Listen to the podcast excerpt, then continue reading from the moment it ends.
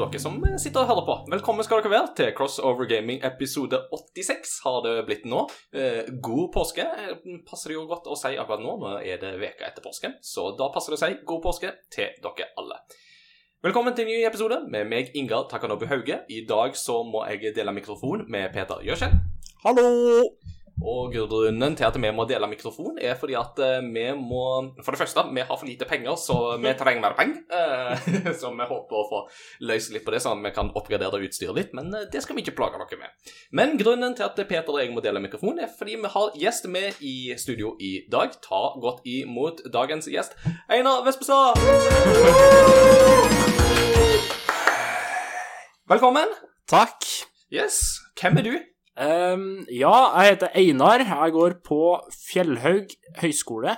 Og eh, ja, jeg gikk eh, var stipendiat på gaming på Fjellhaug bibelskole. Som eh, Peter er lærer på nå. Ehm, og da var det Christian og Andreas Ruud som var lærere. Så det, det er det jeg har drevet med, og driver med. Ja, Mm. så bra.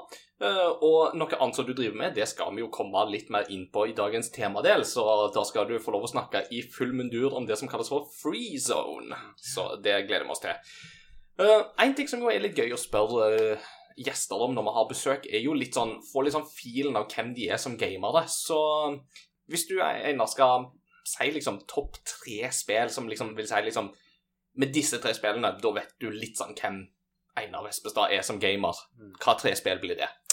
Det blir nok eh, først og fremst Counter-Strike, Global Offensive. Og så eh, nummer to blir Europa Universalis. Oi!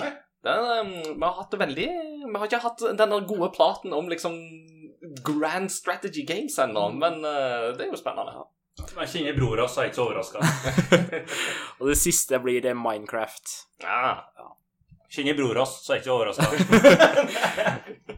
Som, som, som, som dere hører, det er et visst sånn at trønderslektskap i, i episoden i dag. eh, Så bra! Dialektforvirra vestlendinger er i kraftig mindretall i denne episoden, så det blir jo spennende. Kanskje jeg til og med bare lar Peter eh, ta kontroll eh, seinere. Det dun. Det det blir bra. Vi har lagt påskeferie bak oss. Einar, har du hatt en eh, god påskeferie? Uh, og det er lov å si at du ikke har lest til eksamen, altså. Jeg blir ikke sur pga. det. uh, der uh, må jeg nok skuffe deg. Jeg har ikke lest til eksamen. Nei, så bra. Så bra. Men jeg har hatt en god påskeferie. Jeg har vært hjem, vært litt med venner og vært med familien. Vi har ikke vært på hytta, og jeg kan heller ikke si at jeg har vært på én gudstjeneste i påska, som er veldig kontroversielt. Men jeg var på en Tunisia-tur to uker før påska. Uh. Da var vi på en hel del gudstjenester, og i en hel del eh, kirker, moskeer og jødiske tempel. Ja, det er jo Så du følte liksom du var i pluss, da. Så Ja, da jeg kan, må si det. Jeg følte jeg var ganske i pluss. ikke sant. Nei, noen av oss vi fikk ikke være med på den turen, selv om dere dro til Star Wars-lokasjoner og greier. Jeg er ikke bitter. Nei da, nei da, nei da. Men eh, Nei da. En ting som jeg jo alltid vil anbefale folk hvis de er i Oslo eh, i påsken, eh, og hvis de er på påskeaften i Oslo, så anbefaler jeg de alltid å få med seg påskenattsmesse i Oslo domkirke. Altså hvor, uansett hvor mye eller lite religiøs du måtte være, altså det er en opplevelse som bare er verdt å få med seg, rett og slett. Så det er sånn, glem julegudstjeneste. Da er det stappfullt med folk og unger, og alle er sultne på pinnekjøtt eller ribbe eller sånt. Men går du på påskenattsmesse, da slipper du det der stresset og den eh, det der, og så får du en sånn ekstremt vel gjennomtenkt uh, greie som bare er at Det er en opplevelse. Jeg vil ikke spoile det, men uh, det er he, He's not there anymore. He's risen. wow. I think I spoiled it. Ja, ja. Peter, du har jo vært på reis. Jeg eh, så noen Instagram-bilder med noe sau og noe sånt, så du har sikkert vært oppe i Trøndelag? Ja, så vi har sett sau. ja, nei, eh, ferien min det var todelt. Først så var, eh, var jeg i var det Oslo. Mm. Eh, Annika arbeidet fram til torsdag, så da Men på tirsdag også, en litt sånn artig dag. Da var det en kollega og jeg. Vi eh, reiste til en fjorårselev. Han, eh, det, familien i eh, bedrift med vanvittig svært gartneri. Og eh, så var vi der, besøkt og eh, fikk se oss rundt og sånn der, åt middag og sånt. Veldig kjekt. Og på vei ut så bare Du, dere har ikke lyst til å ha med et par blomster, da? Og min eh, kollega hun elsker blomster til sin hals, og hun var jo, på, var jo helt fra seg da allerede. Eh, og så tar han to brett, og vi, vi går derifra med ish 25 blomster. Eh, så, det var liksom, så Annika har litt sånn panikk, da, for hun vet ikke helt hvor hun skal gjøre av alt sammen. Men eh, jeg er fornøyd. Veldig mye fine blomster. Og, så det var kjekt. Så dere har aldri vært nærmere å oppfylle sangen 10 000 røde roser vil jeg skjenke deg. Det stemmer. Og jeg må innrømme at blomster har aldri vært så artig heller som akkurat da. Uh, ja. Og så, ja Torsdag så reiste vi til Trøndelag, og det er kjekt, men slitsomt. For når hele familien kommer hjem, så betyr det at vi er 21 personer samla. Halvparten er kids, og det er slitsomt. Ja, Men det er vel sånn familieferie skal være, er det ikke det? Kjekt å komme, og deilig når man drar. Ja, det er godt å komme på arbeid så jeg kan slappe av litt. Ja, ikke sant. It's good to slap off. Ja, nei, det er veldig, det er veldig, veldig stas. Jeg hadde en utrolig fin påske. Og er det ikke fint at vi har kunnet faktisk feire påske sammen med både folk og fe og gudstjenester og hele pakka etter to år uten? Altså, det har jeg kjent på i år. I år så har jeg vært ekstra takknemlig for det, jeg, egentlig. Mm, absolutt. Mm. Så det, det er fint. Ja. Vi har eh, en fullpakka episode foran oss. Det har skjedd masse i spillenes verden, vi har en spennende temadel, og vi har en spennende lytterpost som vi skal bryne oss på, så la oss bare gå i gang.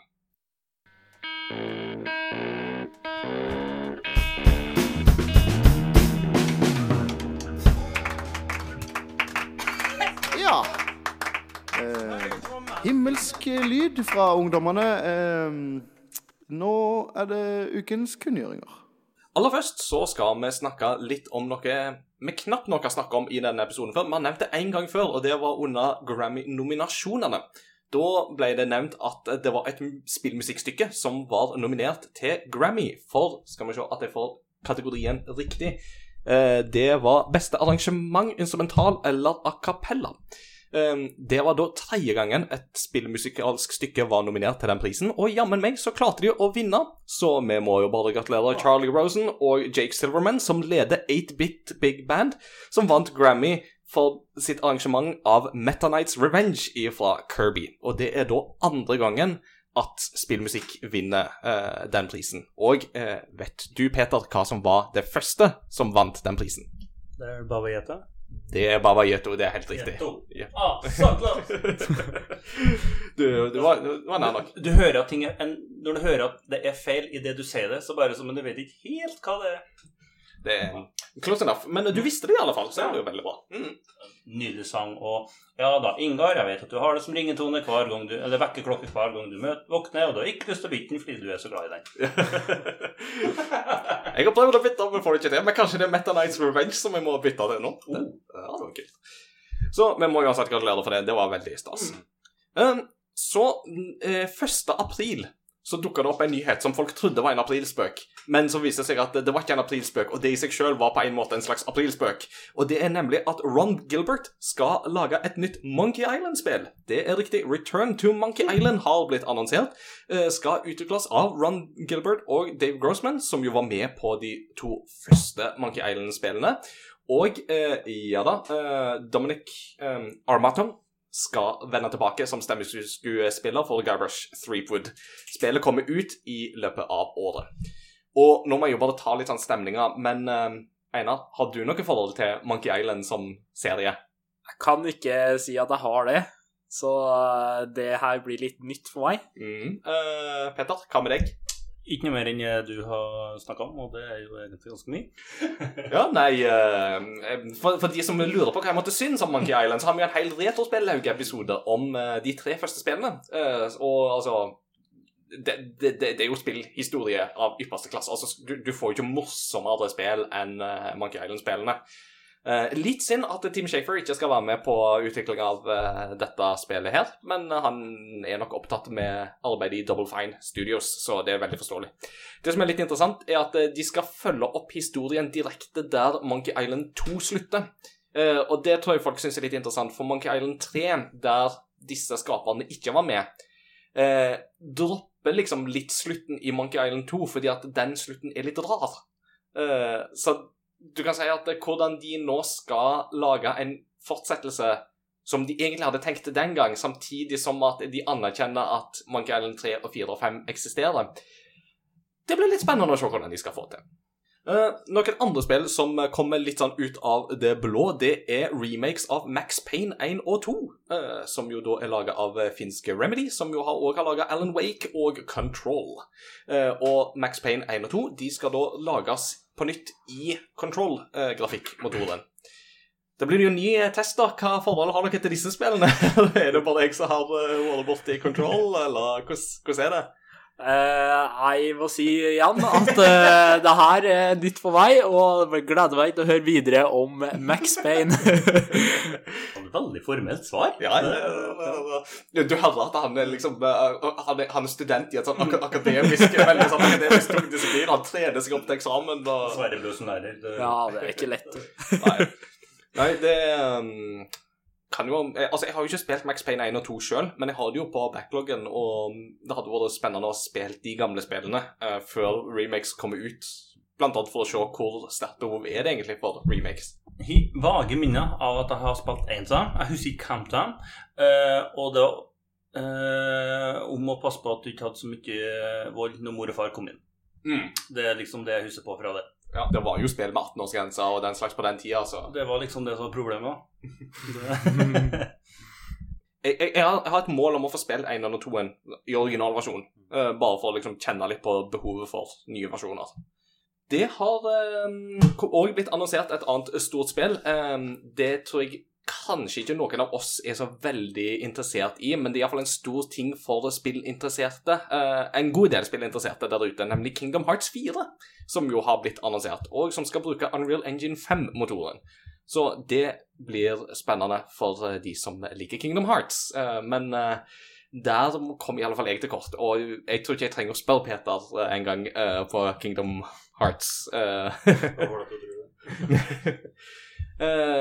Eh, men eh, jeg har allerede, allerede planer om at vi skal ha en Kingdom Hearts-episode eh, med en av våre tidligere gjester som skal komme innom igjen og snakke litt om den serien. Så da blir det sikkert masse Kingdom Hearts-prat. Og så har det begynt å gå eh, rykter igjen om en Gameboy Advance-emulator til Nintendo Switch Online. Eh, det er rykter som har gått før, men eh, nå denne veka her så har det begynt å versere enda flere rykter. Og nå med òg litt sånn bilde, hermetegn, bevis på at jo da, dette her er ekte greier. Um, og det er jo sånn som gir litt, litt sånn rom for å spekulere på hva slags Game of Advance-spill kan vi få på Switch, hva spill har vi lyst på. Men det skal vi snakke litt mer om i del to av episoden. Så har det blitt annonsert litt World of Warcraft-nyheter. Eh, Det første er at det er en ny expansion som eh, kommer. Den heter Dragonflight. Den skal introdusere en helt ny rase som heter Skal vi se, nå må jeg kikke. Draktyr, eh, hvis jeg uttaler det riktig. Og den skal visstnok klare å ri på drager, så um, hvis vår tidligere gjest Christian Lande hører på, så hadde det jo vært spennende å ha hans take eh, på det. Eh, noe annet som eh, World of Warcraft-fans sikkert gleder seg litt over, er at eh, World of Warcraft Wrath of the Lich King Classic kommer i løpet av året i år. Det vet jeg at det er veldig mange Classic-fans som gleder seg veldig over. Jeg snakket i går med Kjøs, og han var bare sånn Han hadde ikke fått det med seg, han ble kjempeglad, for han hadde, han hadde jo spilt det på sånn egen server i 14 år eller sånt, så han var, han var veldig klar. Jeg kan informere fra Christian om at eh, hypen er stor. De har vært en gjeng som har sittet og sett traileren når, på den Dragonflight når den kom ut, og eh, jeg så den jeg for så vidt, og de er så flinke på å lage kortfilmer, den gjengen der. Og det ser jo vakkert ut. Altså, er det én ting Blizzard alltid har fått til, så er det jo de der kortfilmene der. Og det er sånn som får meg til å spørre hvorfor kan ikke de gjøre som Riot og lage animasjonsfilmer på Netflix, sånn som Arcane League of Legends? Det er jo det jeg vil ha for Overwatch. Det er jo det vi vil ha for World of Warcraft. Det har litt med at det tok dritlang tid òg, da.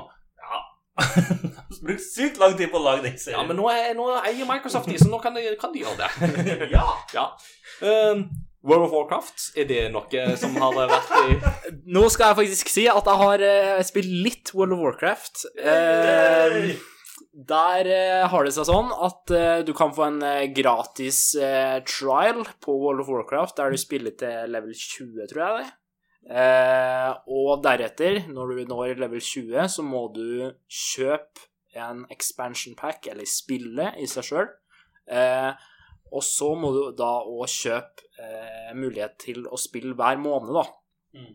Jeg kom til level 20, kjøpt expansion packen, og der og da så skjønte jeg ikke at jeg måtte kjøpe månedspass på spillet. Oh. Så jeg følte meg kjempeskamma av eh, Blizzard. Sendte en mail til Blizzard om å fikse det her for meg. De skjønte ikke problemet, så de ga meg pengene tilbake. Kjøpte jeg spillet på nytt, og det samme skjedde igjen. Eh, fem måneder etterpå så skjønte jeg hva greia var, og, men da var hypen litt over for min del. Det var um, to måneder etter at Classic eh, kom ut. For da var vennegjengen skikkelig inn i eh, World of Warcraft og hadde sittet første dagen med, World of War, nei, med Classic og sittet og venta fem timer på å komme inn på serveren. Så det var jo litt morsomt. Eh, Så en klar og tydelig finansieringsmodell uh, etterlyses. Altså. Dette må forklares Ja. veldig grundig. Ja. Nei, men, nei, men det er bra. Det, eh, det var en artig take på World of Warcraft. Jeg har ikke hatt den taken før, for å si det sånn, så det var en artig. artig vri. Eh, et spill som jeg gleder meg til i år, det er Xenoblade Chronicles 3. eh, det japanske rollespillet som eh, Nintendo annonserte tidligere i år, og som de sa skulle komme i slutten av september. Eh, nå er vi jo blitt veldig vant til at spill blir utsatt, uh, sånn særlig i pandemien og sånn, så vi ble jo eksempel ikke så overraska over at Breath of the Wild 2 ble utsatt og sånne ting. Men uh, med Xenoblade Chronicles 3 så har de gjort det motsatt. Det kommer før. så det skal komme. Yes, I'm not kidding. I'm not comedian. I do not kid. Eh, Så det skal nå komme 29. juli i stedet. Så det blir framskynda med to måneder. Eh, Og det er jo sånn som kan få oss til å tenke OK, hva er det da Nintendo har planlagt å lansere det sånn rundt september-oktober? Men jeg har en teori på dette her. Og det er at Monolith Soft, de som har vært med på å Altså de som lager Xenoblade-spillene, de har òg vært et støttestudio for Nintendo i utvikling av andre spill, deriblant Breath of the Wild. Så kan det tenkes at Nintendo ønsker å altså få ut det spillet, fristille det studioet i to ekstra måneder, sånn at de kan jobbe på Breath of the Wild 2 og hjelpe de å komme i havn med det. Det Det, det, det er juicy. Ja, altså, jeg har ingenting Jeg har ikke lest noe eller hørt noe som støtter opp om den teorien. Men det var bare en tanke som jeg fikk i går da vi spilte Overwatch. At det var bare sånn hm, kanskje, kanskje det. Og så siste lille nyhetssak som jeg har på agendaen. Det kan hende Peter har noe mer. eh, Men eh, en eh, fin, saftig nyhet som kom i i forgårs, det er at det kommer et Eller det er annonsert et nytt Star Wars-spill. Som da skal utvikles av Skydance New Media, som da òg jobber med et Marvel-spill akkurat nå. Og hvis det studioet ikke sier dere noe, så er ikke det så rart, for det er et ganske nytt studio. Men det er det nye studioet til eh, bransjeveteranen Amy Hennig. Og det er ikke et ukjent navn, for hun var manusforfatter og en av hovedhjernene bak Uncharted-spillene. Så Uncharted 1, 2 og 3 har hun skrevet manus til i sin tid. Uh, og hun var egentlig rekruttert inn i sin tid for å jobbe med et uh, Star Wars-spill som, som hadde kallenavnet Ragtag. Uh, det skulle utvikles av Visual Games, som lagde Dead Space-spillene. Og så ble Visual Games lagt ned, og det spillet så aldri dagens lys. Men eh, nå får hun sjansen på nytt. Nå skal hun lage et uh, nytt Star Wars-spill. Vi vet ingenting om hva det skal handle om, eller noen ting, men uh, det at uh, Uncharted-hjernen får lov å bryne seg på Star Wars-lisensen en gang til, det tenker jeg det er, nå, nå må de faktisk få gjort noe med det. Så Har du noe forhold til Star Wars? Det, det, det? Nei, ja, jo, jeg har et uh, forhold til Star Wars, men det blir jo spennende å se, da. For uh, Uncharted og Dead Space er jo litt sånn singleplayer-spill. Mm. Uh, og da er det litt spennende hvis, om det her kommer til å bli et singleplayer-spill, eller om det blir et multiplayer-spill. For i siste så har jo Star Wars kommet med ganske mye multiplayer-spill, som Battlefront, som på en måte har hatt en ja, litt turbulent eh, Litt turbulent historie. Ja, litt turbulent historie. Eh, så da blir det spennende å se om det blir et singleplayerspill eller ikke, i hvert fall. Hmm. Jeg tror nok at eh, både Disney og um, EA og de som måtte sitte i alle disse andre trådene eh, Jeg tror jo de ser veldig på suksessen som Star Wars Jedi Fallen Order fikk som singleplayer Star Wars-spill. Eh, og jeg tror man absolutt har skjønt at markedet for singleplayer Star Wars-opplevelser er absolutt til stede. Mm. Så det um, Jeg håper jo at det går i den retninga, men vi får se. Mm. det er i alle fall kreative sjeler som skal jobbe med dette, så det blir spennende. Mm. Peter, du, du, du, du vipper liksom litt på stolen, for det virker som at du har et eller annet du har lyst til å si. Yes! Mine damer og herrer, jeg har en glede, en glede til hele folket, og kjent som 7,8% av eh, dem som lytter på. Eh, ikke gjøre utregninga der, Erik. Takk skal du ha.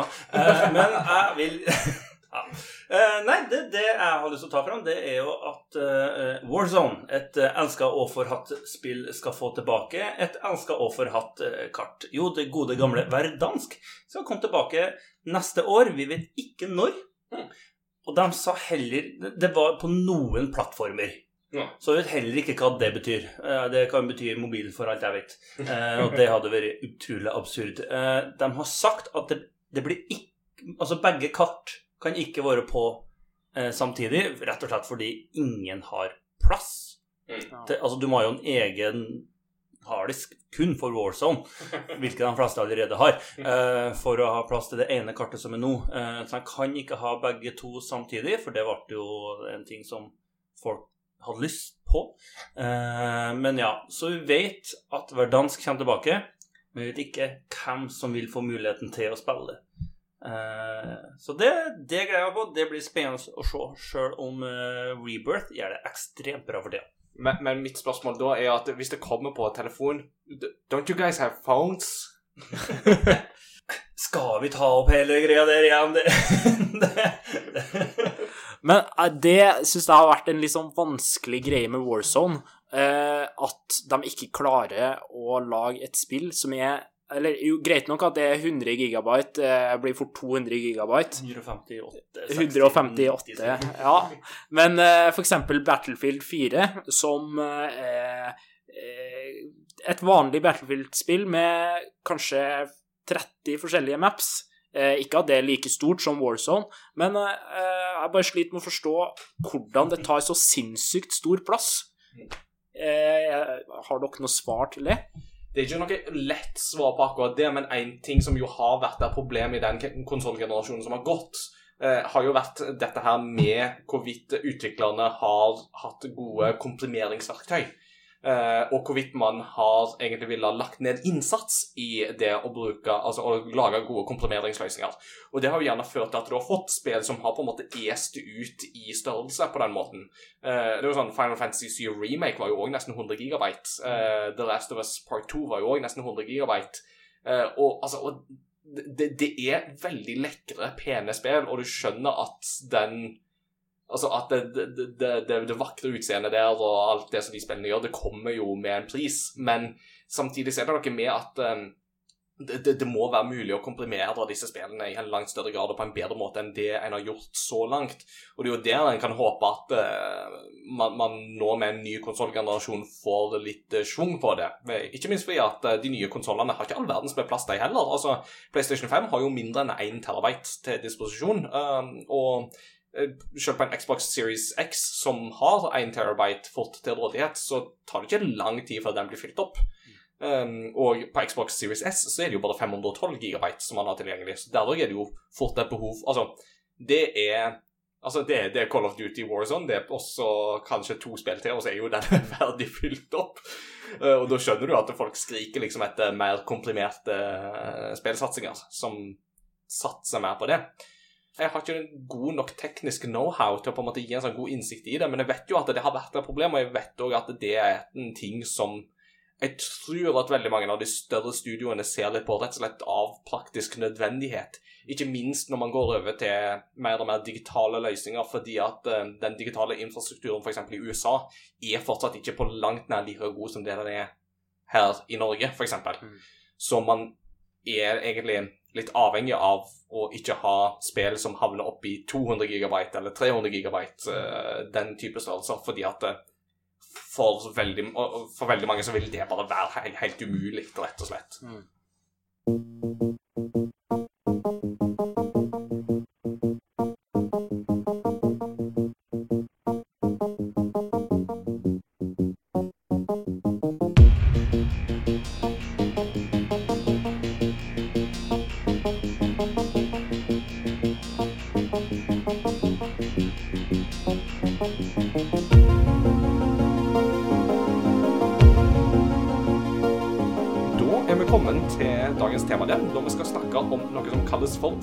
zone, der vi har eh, invitert dagens gjest. Og Peter, i dag så har jeg egentlig lyst å slenge mikrofonen bort til din ende av bordet, og så har jeg lyst til å utfordre deg til å ta intervjuerrollen. Å, endelig! I'm Nei Det, vi, vi snakket om det, men uh, du har heldigvis ikke følt at uh, Du har heldigvis ikke følt deg overkjørt fordi at jeg har tatt uh, programlederrollen på en del av de intervjuobjektene vi har hatt. Det lurte jeg godt. Nei da. Nei da. du, du, vi går rett på sak. Eh, hva er freezone?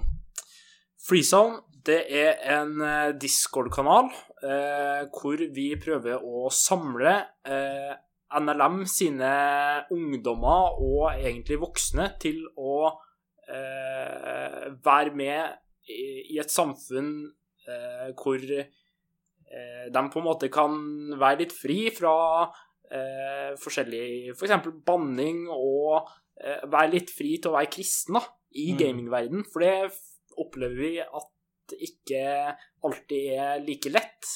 Eh, det er eh, Altså, gaming generelt er jo en ganske ny ting. Mm. Eh, og man har på en måte ikke skapt plattformer. Eh, og kanskje kirkene har på en måte ikke vært gode nok til å eh, endre på seg og møte mennesker i dagens situasjon. Mm. Eh, derfor har vi ønsket å kunne møte de ungdommene som i dag bruker tid på gaming. Eh, og nå sier de jo det at 90% av alle barn og ungdommer spiller Jeg husker ikke hvor mange timer det er i uka, men det er to, to til Ja, 90% av dagens ungdommer spiller i hvert fall Ja. eh, Ukentlig. ja, ukentlig. Mm. Det var poenget. Selv om jeg har brukt lang tid på å si det. Og derfor er det så viktig for eh, oss at vi kan kunne møte dem der Mm. de er, og være forbilder og, være en, eh, og skape en plass hvor de på en måte kan oppleve at de er trygge. Mm. Eh, og møte nye mennesker hvor, eh, som de kan være med på leir med. Mm. Mm. Kult. Ja, for altså Gaming er en veldig nådeløs eh, verden, og det å være kristen i den og Kristen gamer, det er jo en setning som egentlig ikke gir helt mening. Fordi man er jo ikke Altså, det er ingenting ved gaminga som er veldig kristelig, så det å ha en plattform hvor man kan møte eh, felleskristne, det det virker Det er veldig verdifullt. Vi har jo snakka om det i en episode tidligere òg. Og, eh, med leirer og gamingleir og bedehus som nå driver og bygger ut mm. og- eller gjør til rette da, for at gaming skal bli en del av den kristne verden òg, som er veldig, veldig, veldig rikt. Eh, du har jo Fikk jo med litt av inspirasjon òg. hvor, hvor mange har dere med nå i Free Zone? Nå er vi ca. 80 stykker på Discord-kanalen. Mm. Eh, der eh, de fleste er deltakere eller eh, kids, Ja. mens vi er syv ledere.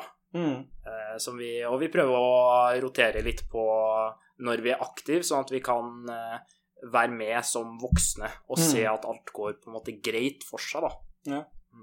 Det, hva dere er med som voksne, hva er på en måte, hva gjør dere da? Dere følger med at det er jo greit, men er game, gamer dere med dem da, og er med dem bare?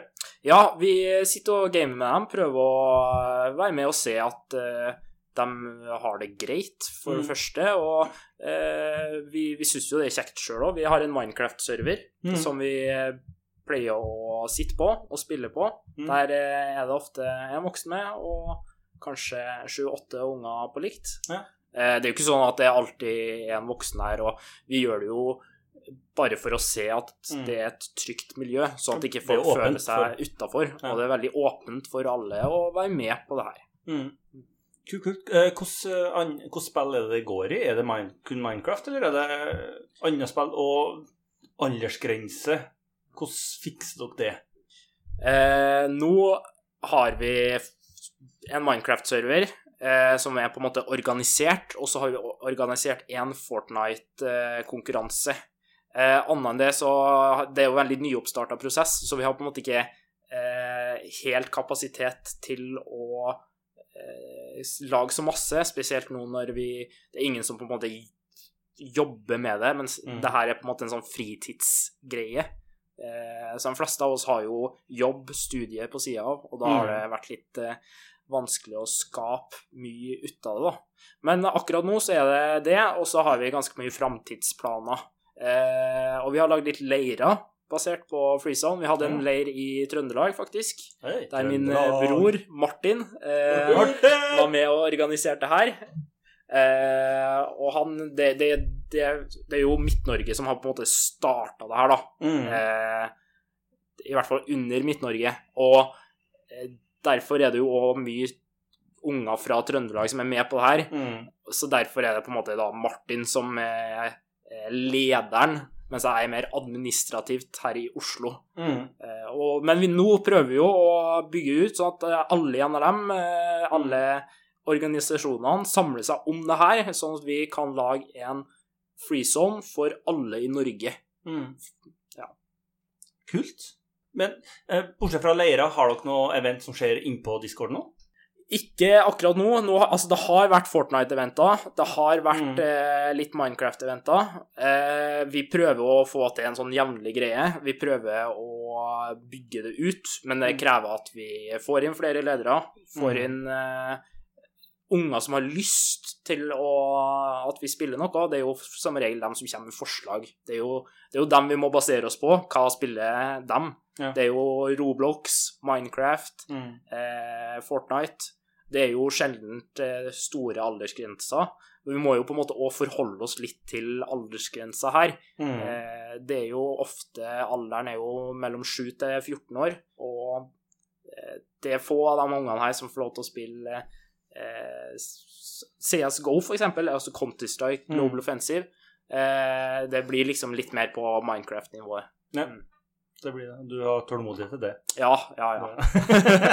Minecraft er jo et veldig spennende spill. Et sånt Mm. eh, eh, Ja, det, det er sånt sandkassespill, ikke sant? Ja. Du bygger bygninger Mm. store som fjell, ikke sant? Og så Fantasien som Ja, det er bare fantasien som kan stoppe deg, da. mm, Grenser. Det, det er jo der jeg kommer til kort, for jeg har jo ikke fantasi. Nei. Jeg, jeg, jeg er jo sånn som I, i Lego-filmen så er det jo det der med 'follow the instructions'. Ja. Jeg er han. I'm following the instructions. Men der har jo jeg lyst til å slå inn litt, da, for du spiller jo Dungeons and Dragons, eh, Ingar. Og eh, å si at du ikke har fantasi, er vel ikke helt, riktig. Det, det er nå for så vidt sant. Eh, Det er vel bare så sent som i går at jeg gikk med T-skjorta 'Chaotic Stupid is not an alignment' med bilde av en sånn D20-terning på, så jeg, jeg, jeg har det i meg til en viss grad, men én ting er jo det å eksempel oss være med på Dungeons and Dragons. En annen ting er å være Dungeon Master.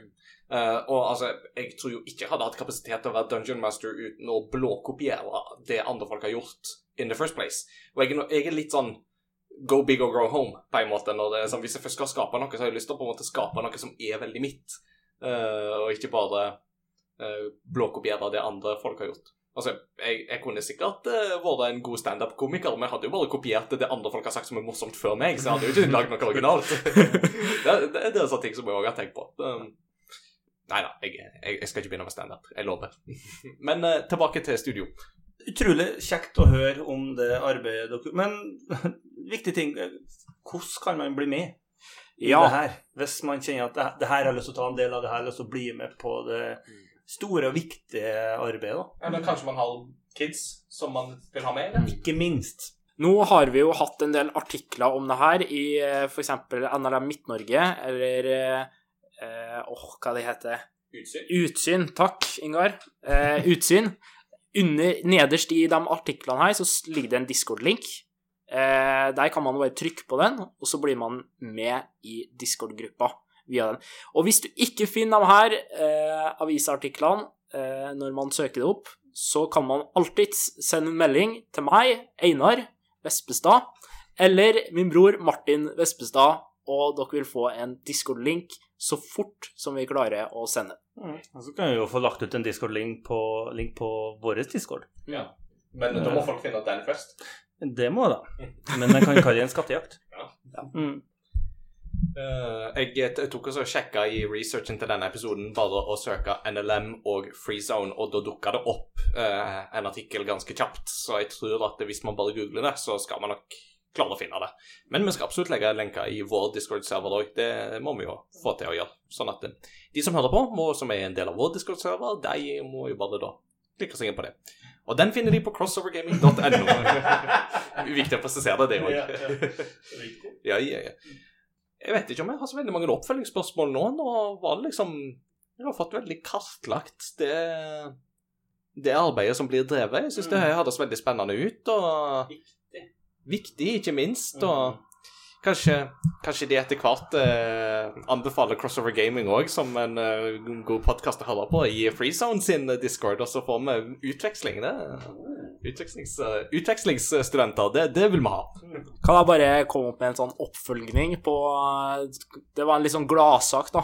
Altså hvis liksom Hvis man ikke har unger som kjenner noen andre på FreeZone, eller ikke har så mye kristne kompiser, eller Mm. eh, sånn, så er ikke det farlig. Du kan sende ungen din på FreeZone. For vi hadde nylig en som ikke kjente noen, eh, på FreeZone-discorden, Mm. eh, og ble venner med en gjeng. Satt og spilte Minecraft, og så dro han på leir sammen. Og det er veldig fint. Veldig, Det er artig. Det er Ja. kjekt. Og det, og det er jo litt derfor dere har det, vil ja, det gir motivasjon i Mm. hverdagen, og så viser litt sånn Ja, du får litt igjen på hvorfor du orker å drive med det, da. Mm. Fordi det er jo litt sånn dugnad på mange Mm. måter, men samtidig så gir det så mye tilbake. Det er litt du, Det her syns jeg var veldig spennende og veldig rikt å høre om. Det er artig å snakke med folk som brenner så gærent for uh, kristne gamere. Uh, det må jeg si. Absolutt. Jeg syns det var veldig kjekt, jeg òg, å høre på. Så jeg har blitt veldig klok. Eh, Jeg visste veldig lite om FreeZone da vi begynte opptaket. Nå vet jeg mye mer om FreeZone, så det er sånn det skal være. Vi tar en liten pause. Vi må lufte litt i det varme sommerværet som vi plutselig har fått her i Oslo. eh, I april, av alle ting. Tenk det. Uh, Velsigna som vi er. Eh, og så er vi straks tilbake, og da skal vi annet snakke litt om Game Boy Advance-emulering og eh, hva vi har spilt i det siste. Følg med.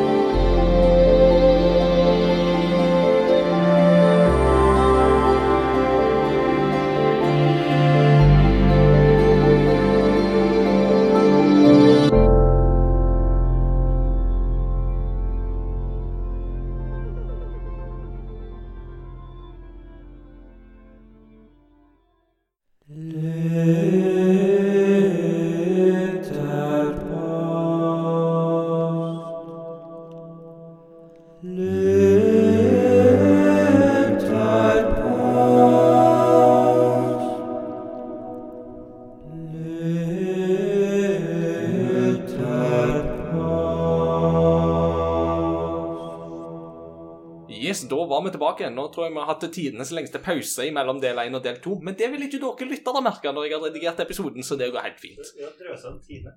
Vi har drøsa en time, sier Petter, ja. Og det, det tror jeg på vi sånn er de lystig lag, så det går også fint. At det. Eh, vi skal som vanlig ha lytterpost, der vi har stilt lytterne et spørsmål på Facebook og Discord. Eh, og denne gangen så har vi tatt utgangspunkt i Gameboy Advance emulator-ryktene. Eh, som vi snakket om i del 1. Det er jo nå rykter som igjen er oppe, som snakker om at det kommer en eh, Gameboy Advance-tjeneste til Nintendo Switch Online. Eh, som da vil si at eh, på samme måte som man nå får Nintendo-spill og Super Nintendo-spill gjennom den tjenesten, så vil man da kunne få Gameboy, Gameboy Color, Gameboy Advance-spill i den tjenesten. Og da har vi lurt på hva Gameboy eller Gameboy Advance-spill ville lytterne gjerne hatt i en sånn tjeneste. Eh, jeg for min del vokste, um, vokste opp Altså, jeg vokste jo opp med Gameboy. Uh, det gjorde jeg jo. Og Gameboy Advance var en veldig viktig del av min ungdomstid. Det var en konsoll jeg kjøpte sjøl i Japan eh, før den var kommet ut i Norge, så det var litt gøy. og Sånn, så jeg var liksom litt sånn keen på hva lytterne hadde å si her. Vi har fått ganske mange fine svar i uh, denne gangen, så vi tenker at vi skal gå gjennom de alle sammen. Um, så Christian Kumlesopp han skriver oh, det er så mange perler på denne lille røveren. Metroid Fusion og Zero Mission, Zelda Minish Cap, WarioWare-spillene, Golden Sun, Mario Luigi Superstar Saga, Pokémon Ruby and Sapphire, bare for å nevne de jeg kommer på i farten. Med den samlingen inkludert skulle jeg nesten vurdert å betale for Switch Online. Switch, og kanskje spesielt Switch Lite, føles som en direkte videreutvikling av Gameboy Advance, så Gameboy Advance-spill på Switch passer som fot i hose. Det er jo faktisk et veldig godt poeng. Det er jo Altså, det er jo en Gameboy Advance pluss, dette her, altså. Så Peter, eh, du har tre på lappen som du har lyst til å ta, så vær så god. Yes, Uh, Frank the Tank han har da skrevet F-Zero. F-Zero! La inn en pause der, for jeg visste at den kom. Maximum Velocity. Husker å ha lånt advancen til Ingar for å spille på bussen på vei til Sætervika-leirer. Good times. Oh yes. Mhm. Lite Og så kanskje, Ja, Godspark han skriver det. Fint å få med hvem som skriver her. Eh, lite erfaring med Gameboy slash Gameboy Advance, men kunne gjerne tatt Pokémon Red, Blue, Yellow til Switch. Og til slutt, Eirik han skriver Golden Sun Hjerte, Advance Wars, Dragon Quest og Minish Cap hadde vært nydelig. Og vi må ikke glemme de ypperlige Gameboy Advance-filmene som blir gitt ut. Ja! Kanskje vi kan få den tilbake. Og hvis man først skal drømme litt, så hadde det vært gøy med, et, med Four Swords Adventure med Gameboy Advance-tilkobling på en eller annen måte. Eh, det, det var jo en kuriositet som dukket opp for mange år siden, men det var jo i alle fall Christian Christian som uh, poengterte det der med at Game of Advance hadde jo filmer som kom ut i sin tid. Og de filmene er jo i så ekstremt dårlig oppløsning og så dårlig kvalitet. Altså Det er jo sånn 140P eller et eller annet sånt, og det er så grelle farger, og lyden er, lydchipen på Game of Advance var jo ikke den beste heller, Eh, men ja, vi må ha Shrek-filmen på den tjenesten. det må vi ha. Um, Einar, du har jo faktisk tatt utfordringer på strak arm med å ville lese to svar fra lytterne, så Det har jeg, Ja. og her kommer Nikolai sitt svar. Vel, jeg har gode minner fra spesielt tre spill til originale Gameboy. Så selv om jeg har dem i samlingen, hadde det vært kos å få dem på Switch. Spillene er Boxel, en sokkuban, eller hva det heter, variant der en lagarbeider må, lagerarbeider må rydde på lageret for å tjene penger til å kurtisere kjæresten. Blues Brothers og Turrican. Sistnevnte er så vanskelig at jeg oftest dør innen ti sekunder. Men for en musikk. Mhm. Det der uh, Boxel med han som må kurtisere kjæresten og få penger til det, det hørtes jo briljant ut. Ja, det hørtes ganske heftig ut. Uh, Og siste eh, Beklager, ikke siste, men siste fra meg. Benjo skulle til å si Pokémon, men så kom jeg på at vi har fått re remakes av GBA-spillene på nyere plattformer allerede. Og de synes jeg st strengt tatt var bedre. det, det er jo for så vidt sant. Altså, Ruby og Sapphire fikk vi jo på 3DS i form av Alpha Ruby og uh, Omega Sapphire, var det vel de het. Det var det, jo. Uh, Omega Ruby, Alpha Sapphire. Ja, jeg tror det var den veien, ja. Um, ja, og de er bedre. no, way around, no way around it. Vi har fått et svar til, eh, og det er Silja Lith, Sigrun, som skriver Mange fine titler som andre har nevnt allerede, så da satser jeg på å informere om noen skjulte perler. Jeg kan ikke unngå å begynne med noen ulongperler, for jeg er så glad i Dragon Ball. Først og fremst har man Dragon Ball Z, Boo's Fury, som er perfeksjonen av Legacy of Goku-serien. Kul action-RPG med passende mekanikker, slik som vektede klær. De gjør deg tregere, men gir mer XP. Det er veldig Dragon Ball, by the way. Et annet svært godt innslag fra Dragon Ball er Supersonic Warriors, som enkelt og greit er et fightingspill med lag.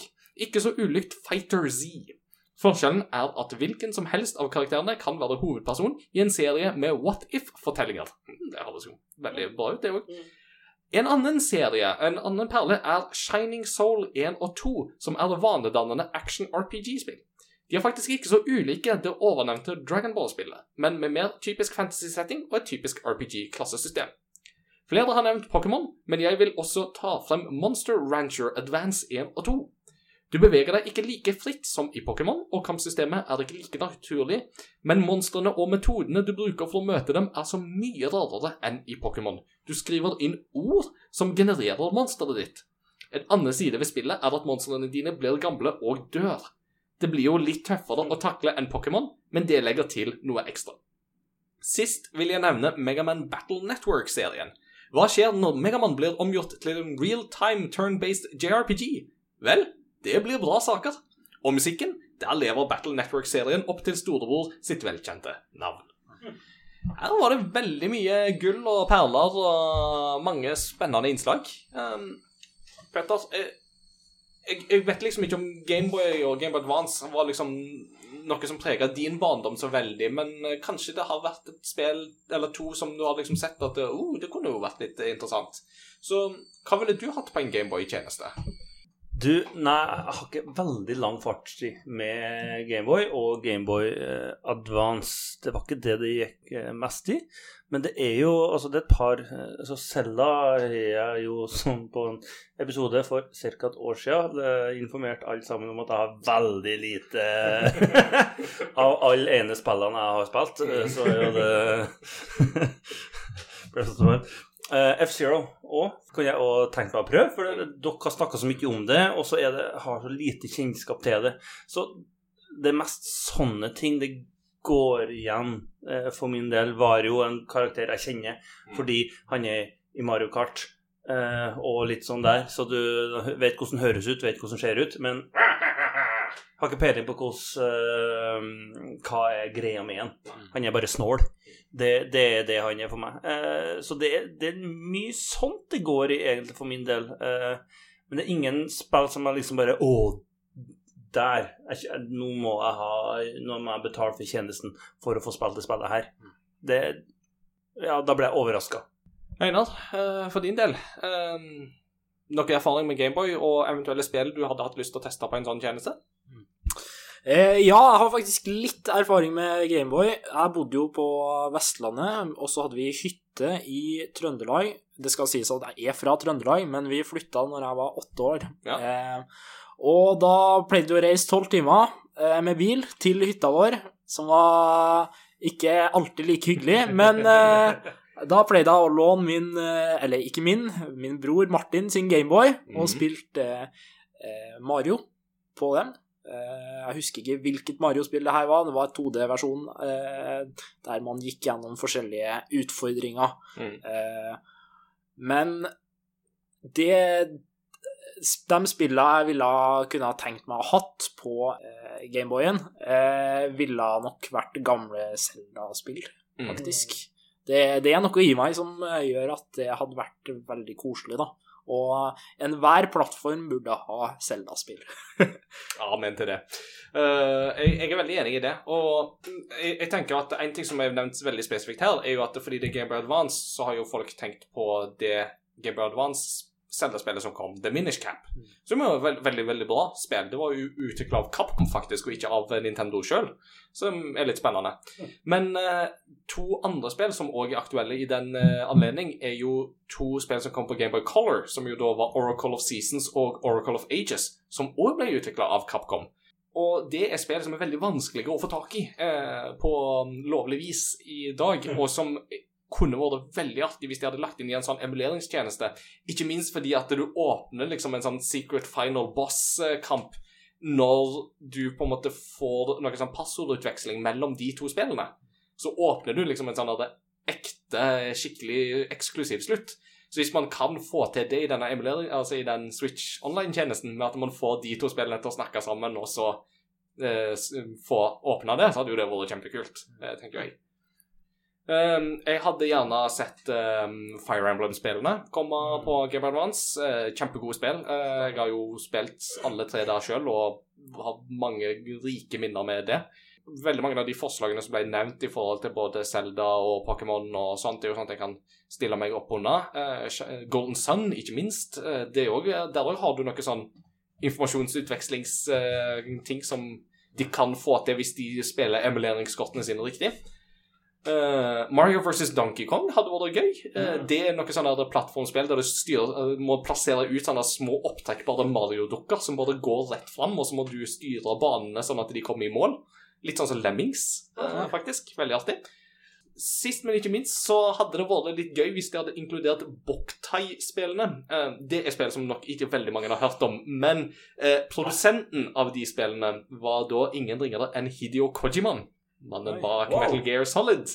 Uh, og det er da vampyrjegerspill, der man i det første spillet måtte benytte sola for å lade opp våpen til å bekjempe disse vampyrene. Så du måtte ta med deg Game Boy Advancen din ut for å lade solceller på kassetten, sånn at du kunne da bekjempe disse monstrene. Problemet er bare det at Game Boy Advance hadde tidenes dårligste skjerm å ta med seg ut, så du så jo ingenting.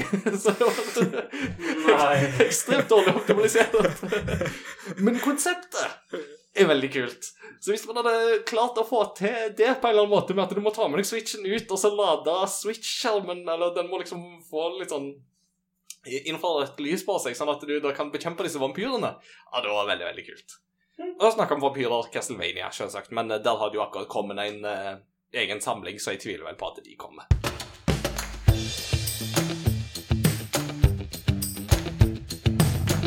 What you been playing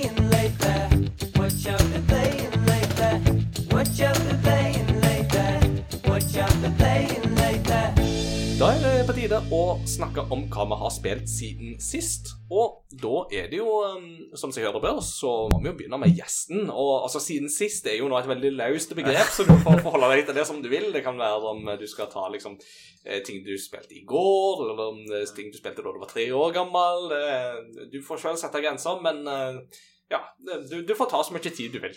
Ja. så, Takk. Ja. Eh, det spillet jeg kanskje har spilt eh, mest siden eh, påske, vil være Mountain Blade Warband. uh, Det er et ganske gammelt spill nå. Det har vel blitt over ti år, i ja, hvert fall. det er vel 2009, tror jeg. Ja. Eh, og vi spiller da en DLC til det spillet som heter Napoleon Wars. Eh, og inne i Napoleon Wars så er det et eget lite samfunn med spillere, kanskje maks eh, 3000 spillere, hvor vi har et rollespill om at vi er en del av hva skal man si, en bataljon. Og i de her bataljonene så er det stort sett opptil 200-300 mennesker. Og det er flere sånne bataljoner. Eh, og vi har egne nettsider der vi lager eh, events for å krige mot hverandre. Mm. Og i de bataljonene her, da, så er det egne kompanier fra napolsk tida, og egne napolsk eh, rang, eller sånn rangeringer. Mm. Eh, og det er ganske seriøst. Det er eh, Jeg er en del av ledelsen i, i min klan.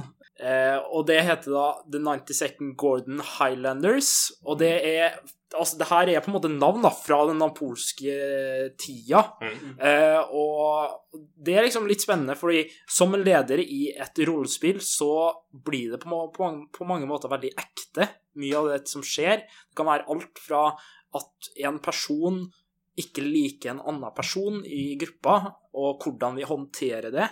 Eh, det blir akkurat som en jobb på mange måter på fritida, der du er en del av å liksom eh, Hvordan går det med dere? Har dere det bra? Mm. Ikke sant? Gaming er seriøs Ja, det, det, det blir ganske seriøst. Eh, Det er en ikke-betalende jobb. Eh, Men det er òg veldig eh, morsomt å kunne være med å organisere ting, og være med å lede mennesker ut i kamp. Mm. Eh, Og alt skjer jo på multiplayer. Du har jo ingen botter som er med her. Men det, det, det som er litt spennende, når du får slag som er mot 200 spillere mot 200 spillere, og et spill som er liksom ti år gammelt, hvem er det som gidder å spille det? Det, det er veldig, veldig spennende. Har det vært Er det noen videoer på Facebook, tror jeg, hvor det er en sånn fyr som driver og snakker sånn fransk-engelsk, eh, og snakker om å liksom samle troppene, og og så går de liksom to mot Altså, ja, det ser ut som napoleonskrigen, men har aldri skjønt hvordan spillet er. Nå tror jeg skjønt hvilket spill det er. Ja.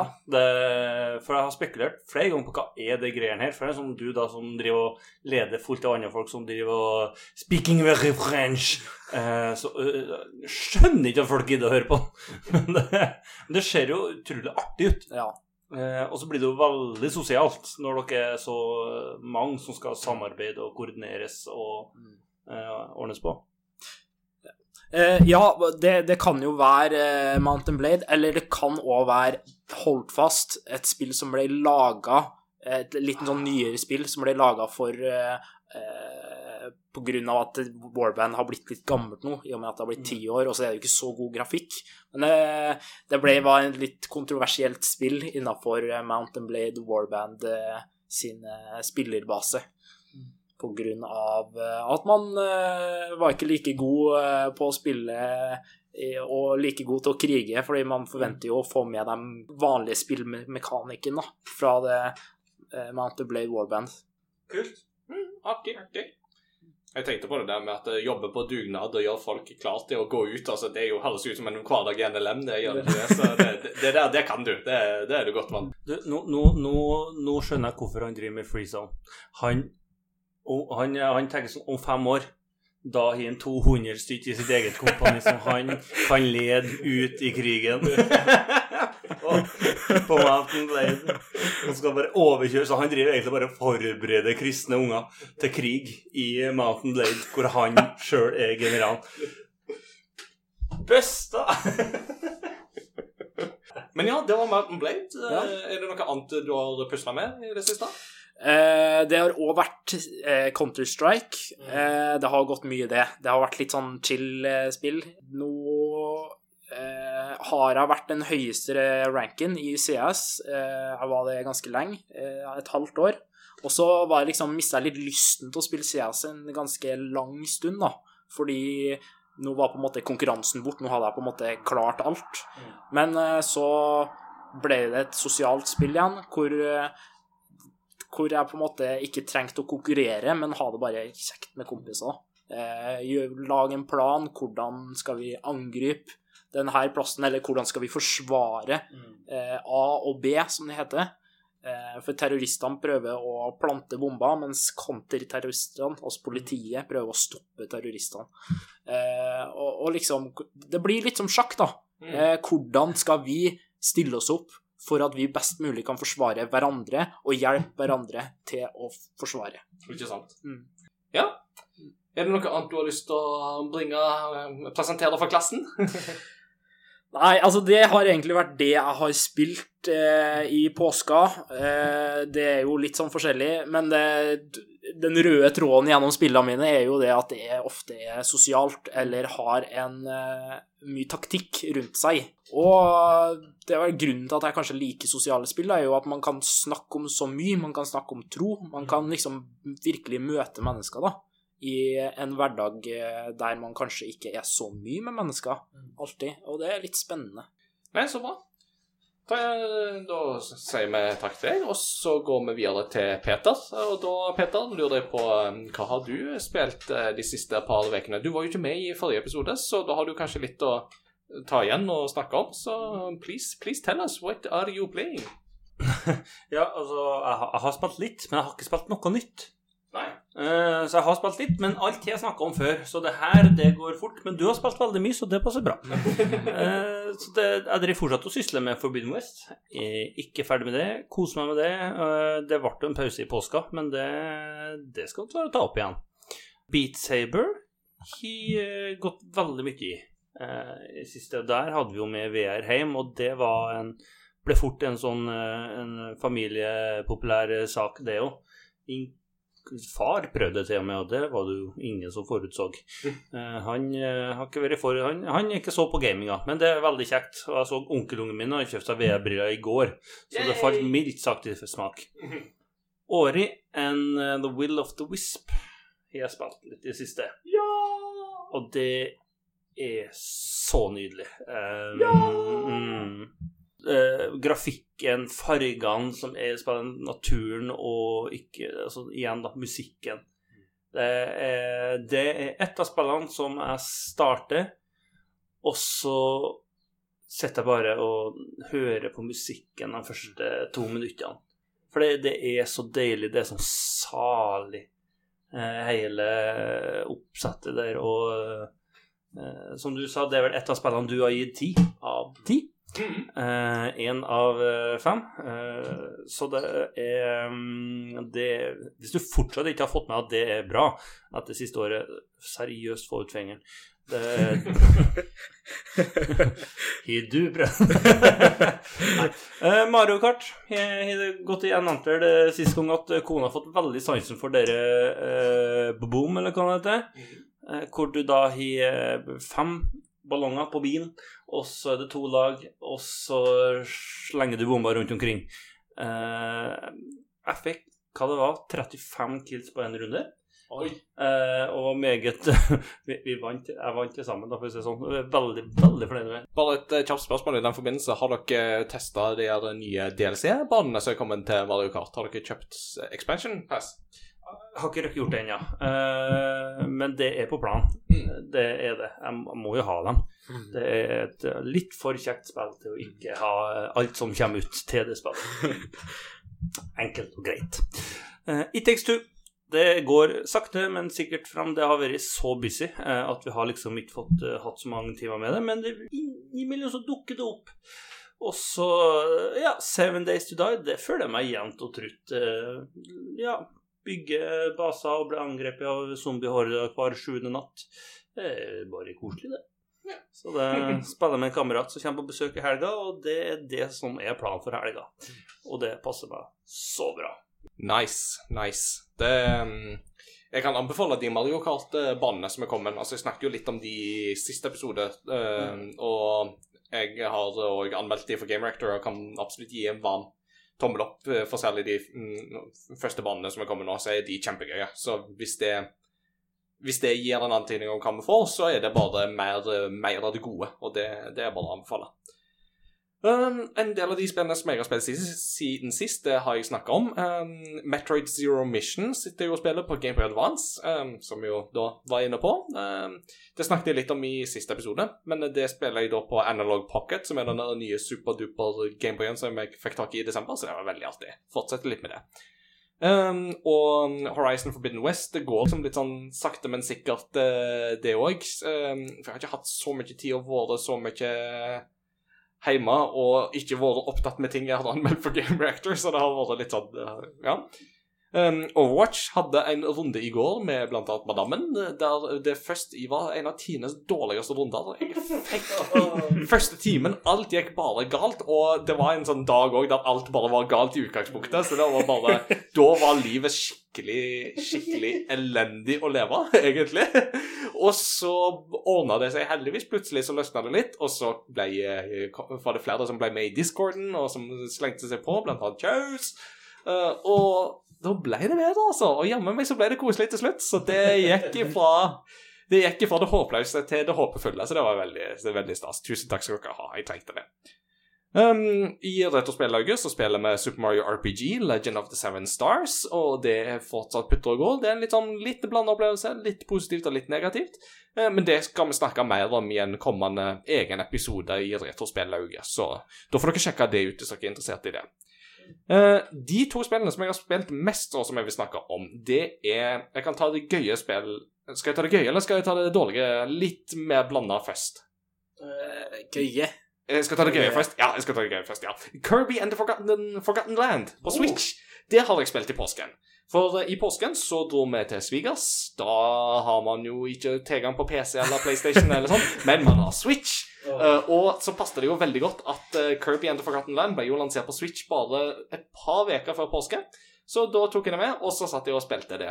Og jeg har alltid likt Kirby-spillene. Det har alltid vært en sånn blanding av litt sånn grei plattforming, uh, kombinert med mye sjarm og kos og fin musikk og sånt. Og Kirby and the Forgotten Land leverer absolutt på de punktene. Eh, Bare spørsmål til eh, det at man drar til svigers med Switchen. Når er det man får tid til å spille Switch til svigers? Når, når, når man ikke spiser mat. Jeg svaret det. Nei, eh, jeg, jeg har veldig gode svigers som har en full forståelse for det at jeg har en hektisk hverdag som eh, krever mye, både på jobb og på fritid, og rent familiært. Eh, og da har de en forståelse for at når jeg kommer til de, så kan jeg av og til være litt eh, trøtt og sliten, og at eh, det beste da er bare at jeg får et par timer eh, på en sofa for å liksom bare slappe litt av. Og det går stort sett veldig fint. I tillegg så er dette altså dette er svigers som uh, Svigermor hun går gjerne i studioet sitt og maler, og svigerfar han går gjerne inn på kontoret sitt for å tegne noe uh, til hus eller noe sånt. Noe sånt. Så de jobber gjerne mens vi er der òg. Det har de ingen problemer med. Og da kan man jo fint sitte og spille Switch. Så det er ingen problem, heldigvis, da. Eh, men jo, altså Kirby and the Forgotten Land Det er et spill som er sånn Altså Når jeg spiller Kirby-spill, jeg forventer ikke all verdens med vanskelighetsgrad, men jeg forventer store mengder sjarm, og jeg forventer store gleder med kos. Og begge deler får du i Kirby and the Forgotten Land. Nå er det for første gang så får du et Kirby-spill i liksom mer sånn full 3D. Eh, som i dette tilfellet vil si ikke sånn full 3D som type sånn Super Mario 64 eller Super Mario Odyssey, men mer sånn eh, Super Mario 3D World eller Crash Bandicoot. Eh, altså, med at du har på, altså Det er en tredimensjonalt, men du har likevel en ganske sånn fast struktur på hvor du skal gå. Eh, men egentlig så funker det veldig bra. Altså, Kirby kler det veldig godt. Dette spillet ser skikkelig bra ut hele veien. Detaljnivået er så bra. Fiendene er så søte at det, det gjør vondt å spise dem, men det er jo det Kirby gjør. Eh, og det beste av alt her er jo den eh, modusen som de har reklamert med i forkant, som er ny for dette spillet, og det er det som kalles for mouthful mode. Som gjør at Kirby prøver å spise noe som er altfor stort for han å spise. Så istedenfor at han spiser det, og så bare mm, sluker det, så ender han opp med å pakke seg rundt det i stedet. Så han prøver f.eks. å spise en bil. Eh, og da bare ser du liksom bare bilen går liksom langt bak han, og så bare ser du at han blir som en sånn rosa sånn presenning over bilen. Og så har han dekka hele bilen, og da kan du kjøre bilen rundt omkring. Og det ser så fantastisk ut hver i gang. Jeg slutter aldri å le og bli glad av det. Jeg bare eh, tenkte på en ting som jeg aldri har tenkt jeg, eh, Er, er Kirby han? Ja, det er jo et stort spørsmål, dette her. Altså, Han var bare oppe nå når du, når du sa han. Ja, det, altså det, det, det har jo vært et sånt stridsspørsmål, det òg, men altså, så langt vi vet, så er Kirby en han. Um, selv om han har en litt sånn søt stemme, og sånn, så er det likevel noe som er på en måte kanskje litt mer i det maskuline i stemmeleiet likevel. Så jeg tror at uh, Kirby omtales som en han uh, i disse spillene. Men uh, et godt poeng. Kirby kunne fort ikke vært en han, for å si det sånn. Av andre sånne der mouthful uh, modes-ting som du kan spise, så kan du jo spise en uh, brusmaskin. Da skyter du brusbokser. uh, og så kan det bli en uh, lyspære. Altså du spiser en lyspære, da blir han sånn konsentrerer seg, og så begynner han å lyse. Eh, og kanskje en av mine favoritter er når han blir til et sånt lokkerskap. Altså du vet sånne skolelockers yeah. som du har. Som pakker seg rundt sånne. For at det er da som regel en hemmelighet bak de som må få de til å dette. Så han pakker seg rundt, og så begynner han sånn Boom! Og så detter han bak. Så det bare Lyddesignet her er, er så amazing, altså. Og musikken i dette spillet det får ikke nok skryt. Det er så mye bra musikk i Kirby and Forgotten Land. Det er sånn, det må du Så sant du har ører å høre med, så bør du spille dette spillet med musikk på. For dette er amazing eh, tunes. Eh, Så eh, kanskje ikke verdens mest nyskapende spill når det kommer til 3D-plattformselementene, men sånn rent bortsett fra det, så er dette et gullspill som er bare tipp topp tommel opp, klar anbefaling. Og Hvis du ikke har ører og høyre med, så er- takk for at du hører så langt på episoden. Ja, det var jeg Ja, det var det jeg tenkte på. Det, Det, det, kan, det kan godt hende at vi har noen som bare har sånn tekst til tale, vet du. Hvem vet? Hvem vet? Ja, det, nei da, men da, da, da, jeg venta på det, så det var, det var bra, det. Det var bra du fulgte opp, Petter. Du kjenner meg så godt. Så det var bra. Eh, Så uh, Nei da, altså Jeg har liksom fått den at det, det folk kanskje kritiserer Kirby mest for, er det at den Altså, det føles kanskje ikke som det mest nyskapende, men altså Egentlig så gjør det ikke det noe. Altså, Mouthful mode gir deg nok av liksom nye ting til å på en måte at det blir veldig gøy. Um, du har jo òg en sånn der med at han spiser noe som basically gjør den til en uh, paraglider. Og så må du ha sånne paragliding sessions der du må liksom fly gjennom sånne ringer i lufta. og sånt. Det er jo kjempegøy. Jeg vil ha mer av det, liksom. Det. Så ja. Um, har du Switch, um, og dette passer uh, Du kan òg spille coop i det. Så det er veldig perfekt å spille mm, foreldre og barn sammen. Vil jeg tro. Dette er helt perfekt. Så tipp topp. Det var Kirby. Um, dere ville jo ha det gode først, så nå kommer det som var liksom litt mindre godt, og det er det som heter Chrono Cross The Radical Dreamers Edition. Et japansk rollespill som er en av mine all time favorites. Det er Chrono Trigger til Super Nintendo, som òg har kommet til PC og uh, DS. Det har vi òg en Retrospillaug-episode om, så dere kan høre den hvis dere vil vite mer. Det spillet fikk i sin tid en, eh, en oppfølger av slags eh, som heter Chrono Cross. Og Chrono Cross kom ut i Japan, og det kom ut i USA, men det kom aldri ut i Europa før nå. Nå er det ute i en eh, lettere remastered edition, som da er ute på de fleste plattformer. Um, jeg sier at eh, den er litt sånn Altså, det, er en type oppfølger, for at dette er et spill som det, det På ene sida så merker du at dette er et spill som er knytta til Chrono Trigger, og på den andre sida er det et spill som du ikke bør tenke så mye på Chrono Trigger for å nyte best mulig, for det er veldig annerledes ifra Chrono Trigger. Så du må ikke forvente deg liksom en ren oppfølger. Dette er et spill som er veldig annerledes på mange måter, og det skyldes at det ble laga til originale PlayStation. De ble laga av en del, ny, a- a- en del av folkene som var med på Chrono Trigger, var ikke med på Chrono Cross. Eh, han er en veldig annerledes tone på mange måter. Uh, og der Chrono Trigger handler om tidsreiser, så handler dette om reiser mellom parallelle verdener. Uh, du spiller en Kort fortalt så spiller du om- som en kar som heter Surge, som en dag opplever at han ender opp i en alternativ tidslinje. der det viser seg at han har vært død i ti år. Eh, og da begynner liksom reisen både for å komme tilbake til sin egen, tid, altså, sin egen tidslinje, men òg for å finne ut hva er det som på en måte gjør han til den personen som skaper så dramatisk forskjell mellom disse to eh, tidslinjene. Det som er Altså, Jeg liker veldig godt Chrono Cross på mange måter, fordi at det føles som et sånn veldig unikt spill. Altså, Det er fra en periode der Square lagde veldig unike japanske rollespill, der de torde å ta litt sjanser, og der eh, selv om kanskje ikke alt var på en måte 100% perfekt, så var de i alle fall litt sånn De lekte seg litt, det var litt kreativt, og eh, de prøvde seg på mange ting, så det er veldig spennende sånn sett. Eh, men det har et par issues. Eh, for det første, det er 45 rollefigurer du kan få med i partyet ditt i dette spillet. Du blir ikke kjent med noen av de, det er altfor mange. Uh, og det andre er at det, det blir litt sånn gjentakende, og kampsystemet kan være litt vanskelig å få på en måte helt reisen på. Pluss at storyen er litt rusha. Det er litt vanskelig å få på en måte helt grep om alt som skjer her. Uh, det er liksom selve grunnspillet. Men så er det òg da at uh, denne remasteren er fryktelig dårlig teknisk sett. Den kjører faktisk så dårlig at PlayStation 1-originalen kjører bedre enn det denne remasteren gjør på PlayStation 5. Altså, det er framerate drops. Det er Ting går så hakkete og gale at det er til å bli sprø av. Og heldigvis så lar spillet deg skifte mellom en litt sånn remastered eh, look eller en classic look. Og classic look kjører litt bedre. Men det er jo bekymringsverdig at du får et spill på PlayStation 5 som kjører dårligere enn det det gjorde på originalkonsollen for 23 år siden. Da er det litt sånn Ja. Ikke på en måte du vil at det skal være imponerende på, men det er imponerende. Ja, det er det jeg også tenker. At det, er sånn, det er imponerende, men på feil måte. Det er helt riktig. Eh, men én ting som var litt gøy med denne versjonen, her, er at den òg kommer med et teksteventyr som heter Radical Dreamers fra 1996.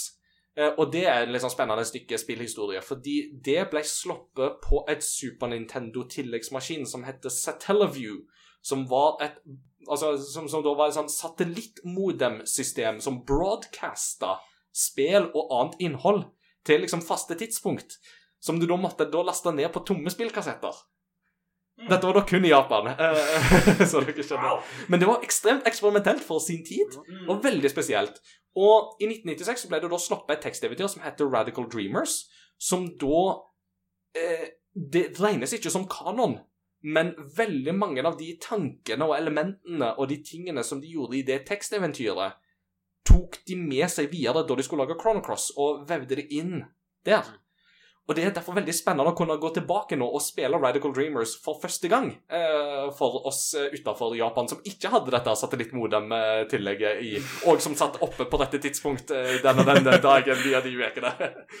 Så altså, sånn, rent sånn spillhistorisk sett så syns jeg det er kjempekult at de har inkludert det. Eh, og så er det litt gøy å spille sånn teksteventyr med sånn Du kommer til en gang. Eh, det er mørkt til venstre, det er mørkt til høyre.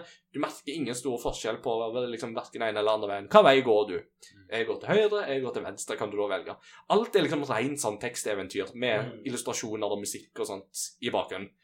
Eh, Jeg syns det er jo er kult, da. Altså, Det er litt sånn old school. Veldig, veldig stilig. Eh, Det er nok mest for de spesielt interesserte, da. Så mm, Chrono Cross Jeg er veldig glad for at The Radical Dreamers Edition har kommet ut, sånn at vi har kunnet spilt det nå. Men det er litt sånn Skal du spille det? Det er litt sånn Ja, hvis du vil utforske liksom hele Chrono-universet og er åpen for litt sånne ikke helt perfekte PlayStation 1 japanske rollespill, så, så kan du spille det. Men du må være forberedt på at det kjører fryktelig dårlig, og at det har sine issues um, sånn storymessig og sånt òg. Så, ja. så det har jeg anmeldt for Game Reactor, og det kan dere lese mer om på gamereactor.no.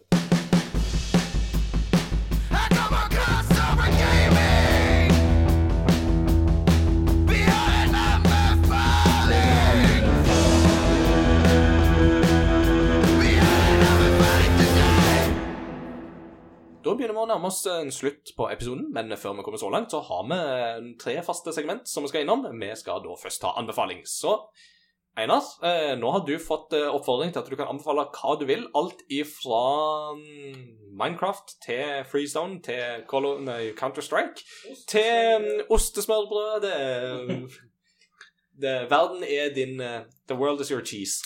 Takk. Jeg har jo på en måte snakka litt om FreeZone, så jeg føler ikke at det er Jeg føler at det er anbefaling nok i seg sjøl.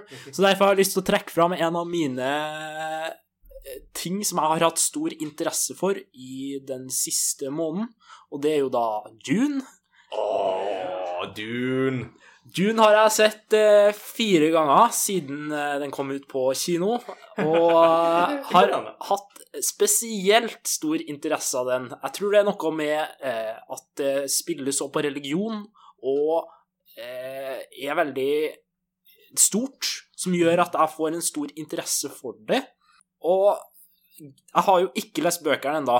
Det er ikke pga. at jeg ikke har lyst til å lese bøkene, men det er fordi jeg driver og hører The Wheel of Time på lydbok, og hvis jeg skal krysse dem to, så blir det kluss. Så det Men etter hvert, når jeg er ferdig I med The Wheel of Time kluss. Kluss is the Ja, mind killer. Kluss is the mind killer. så det kommer snart. Så, men, men Dune-filmen, i alle fall, det Ja. Ja.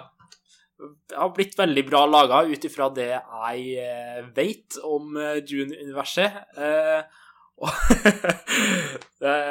og, ja Kanskje endrer seg når jeg får høre bøkene, men fram til nå så har Dune-filmene virkelig levert. Yes. Har du trua på um, film nummer to, da, når den kommer?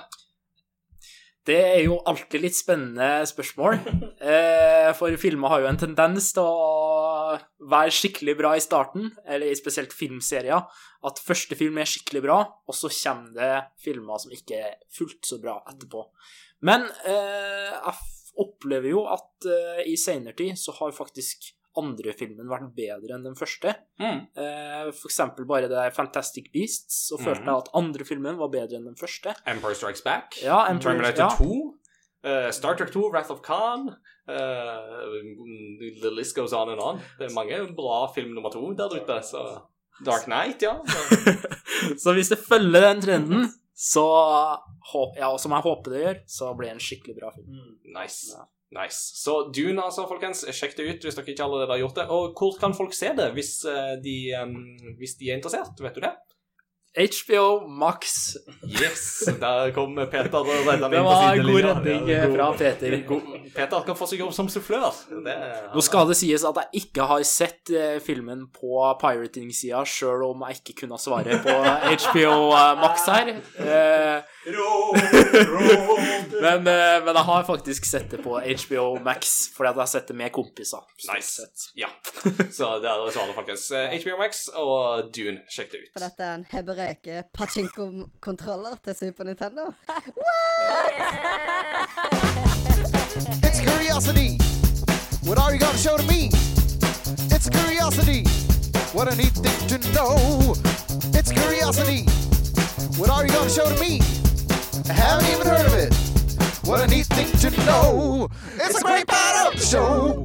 Da er det min tur til å snakke om kuriositet i uh, dagens eh, episode. Og, og da har jeg lyst til å trekke fram um, En ting som jeg har begynt med nå i Game Reactor, er at jeg har begynt å ta en del av disse kuriositetene som jeg har samla her opp gjennom årene, og så ønsker jeg å dele de skriftlig med et enda større publikum.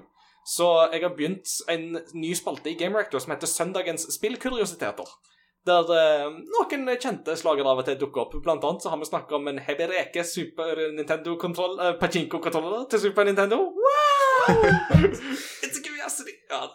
Så den har jeg blant annet snakket om, og det der beist av en håndkontroller som kom til GameCube med en tastatur inni, som jo ble sluppet for Fantasy Star, det er jo også noe som jeg har skrevet om. Men uh, Ja, og ikke minst så har vi jo da selvsagt snakket om eh, Final Fantasy Legend, der de oversatte opium med bananer. Eh, er fortsatt en av de beste spillkuriositetene jeg vet om. altså. The, the ship is full of bananas. Uh, men uh, en sånn kuriositet som jeg skrev om der, som ikke har blitt nevnt i denne spalten, det er spillet Holy Diver. Holy Diver! Det er da basically Castlevania metal-spelet som vi aldri fikk utenfor Japan. Eh, la meg bare lese om liksom hva dette spillet handler om ut ifra spillmanualen som Altså, dette var et spill som kom på Nintendo i sin tid, og da var det ofte i manualen du fant historien. Så la meg nå bare lese dette her oversatt. Resurrected. The legend of the holy magic king's justice. It is the 666th year of the world of magic. The Black Slayer, demon king of the underworld Dark Empire, has extended the world of darkness and weakened the power of King Crimson, whose wisdom has guided the world of magic for generations. The 16th Crimson Empire, Ronnie IV, entrusted his two infant sons, Randy and Zack, to his faithful servant Ozzy. Bare manualen her i seg sjøl bare oser liksom Altså, tittelen i seg sjøl er jo her en metal-referanse. Altså, det er jo Holy Diver er jo albumet og sangen av samme navn av Dio. Um, og det er jo nok av metal-referanser å hente bare i liksom denne her manualteksten her. Altså The 666th year uh, trenger kanskje ikke noe dypere forklaring. Eh, men så har du jo da The Black Slayer, kan tolkes som en kombinasjon av bandene Black Sabbath og Slayer. King Crimson er jo da oppkalt etter bandet med samme navn. Uh, Keiser Ronny uh, refererer jo som altså Emperor Ronny er jo da selvsagt en referanse til Ronny James Dio. Og at han da har det liksom sine to barn, liksom Randy og Zack. Det er jo da to bandmedlemmer fra Ozzy Osbourne sitt band, Ran Randy Rhodes og Zack Wild. Eh, og det at eh, hans faithful servant Ozzy trenger jo heller ikke noen dypere introduksjon til hvem dette her sannsynligvis er. altså at det er jo Ozzy Osbourne. Eh, så dette er da et spill som da spilles som en sånn Castlevania-aktig spill, bortsett fra at du skyter magi istedenfor å svinge med pisk. Men ellers er det liksom slåss mot uh, monstre og vampyrer, og demoner og whatnot. Eh, men alle disse metal-referansene gjorde nok eh, kanskje at det, det var kanskje en av grunnene til at det spillet aldri ble sluppet utenfor Japan. For i Japan så kan du slippe unna med sånt. Men hvis du begynner å oversette det og skal lansere det internasjonalt, da må du plutselig ha rettighetene til de folkene som man har henta inspirasjon fra. Det ble nok et ganske stort mareritt. Pluss at det sies at spillet var veldig vanskelig. Og på den tida tenkte man at eh, vestlige spillere de ville ikke ha vanskelige spill. Det var før Demon Souls og Dark Souls og Elden Ring, for å si det sånn. Så det var da eh, metal-spelet Holy Diver, eh, Castlevania-klonen, vi aldri fikk her i Vesten. Med det så er tida kommet for eh, Postludium. Og Peter, du har jo hinta litt til hva vi skal innom i dag, men du kan jo få lov å si sjøl hva vi skal høre på. Ja. Jeg har lyst til å bare Siden du tar opp eh, tidligere kuriositeter, jeg har lyst til å ta opp den sykeste jeg kan Eller sånn som er hvert fall i min hjerne, og det var jo den fra Uh, åh, jeg er ikke helt sikker på om det er rett spillet, men eh, om det kunne vært uh, Super Mario Bros 2, kanskje. Uh, hvor du fikk med en sånn manual eh, som forteller om historien til den verden. Eh, hvor det da sto at, eller sånn, at det ikke var noen mennesker i den verden, og at eh, alt eh, Og det var fordi at når eh, Bowser kom, eller noe sånt, der, så ble eh, menneskene omgjort til murklosser. Bare smak på den, og tenk på alle klossene du har ødelagt. Din morder. sånn, apropos tidligere kuriositeter. Den, den, den syker meg fortsatt ut når jeg tenker på den. Eh, men ja, eh, musikk er jo en, eh, en herlig ting som finnes i den vakre verden som vi lever i. Eh, og da eh, har jeg lyst til å ta musikken fra et eh, fantastisk nydelig spill med fantastisk nydelig musikk som jeg har nevnt flere ganger. Og hvis du fortsatt ikke har prøvd å spille det, få ut fingeren. Eh, og da er det da eh, main-teamen i Ori and the Will of the Wisp. Um, jeg, lurer på om jeg får, tok fram eh, musikken fra første spillet, eh, Blind Forest, når jeg spilte det, og nå kommer vi med sannelig med toer nå, for det er Åh, så det er så deilig. Så len deg bak, steng øynene, demp belysninga, finn et godt glass med melk og nyt den musikken her, for det er helt fantastisk deilig. Helt riktig. Helt riktig. Gareth Coker sine toner skal tone oss ut i denne episoden her. Uh, igjen. Uh, han har eh, fått lov til det før, og kommer helt sikkert til, å dukke opp igjen på et senere tidspunkt. Hvorfor det? Ja, tror du han hører på episoden? Det hadde vært gøy hvis vi hadde fått han med. Hæ? Ja. takk. ikke sikkert han kan norsk, så det kan bli litt vanskelig. Ja. Einar, tusen hjertelig takk for at du var med i episoden. Det har vært kjempegøy å ha deg med. Eh, Vi skulle jo egentlig ha tatt opp hele den der pausepraten vi hadde, for der var det veldig mye spennende. Ja, men eh, Det var en egen, det var en egen episode. det var så, men eh, sånn, så, så blir det av og til. Eh, Men da tror jeg episoden hadde blitt for lang. Eh, Ja. Enig. Mm. Men uh, tusen takk for at du var med og snakka om et spennende arbeid. Dere må ha lykke til videre med det arbeidet der. Um, og uh, som eh, administrator for deg som student, så får jeg si til deg lykke til med eksamen. når det. Tusen takk. Tusen takk. Det blir bra. Ja. Og jeg lover ingen nepotisme bare fordi du har vært med i denne episoden her. Det, Det var verdt et forsøk. ja, det var det. Nei da. Det, Derfor var det. Ja, det var derfor jeg var her. That's, that, that's not how we roll. Nei da. Eh, Vi er tilbake om to ukers tid med, med en ny episode om uh, mangt og mye spennende som skjer i spillenes verden. Takk for nå, og vi snakkes ved neste korsvei. Ha det bra! Ha det! Ha det.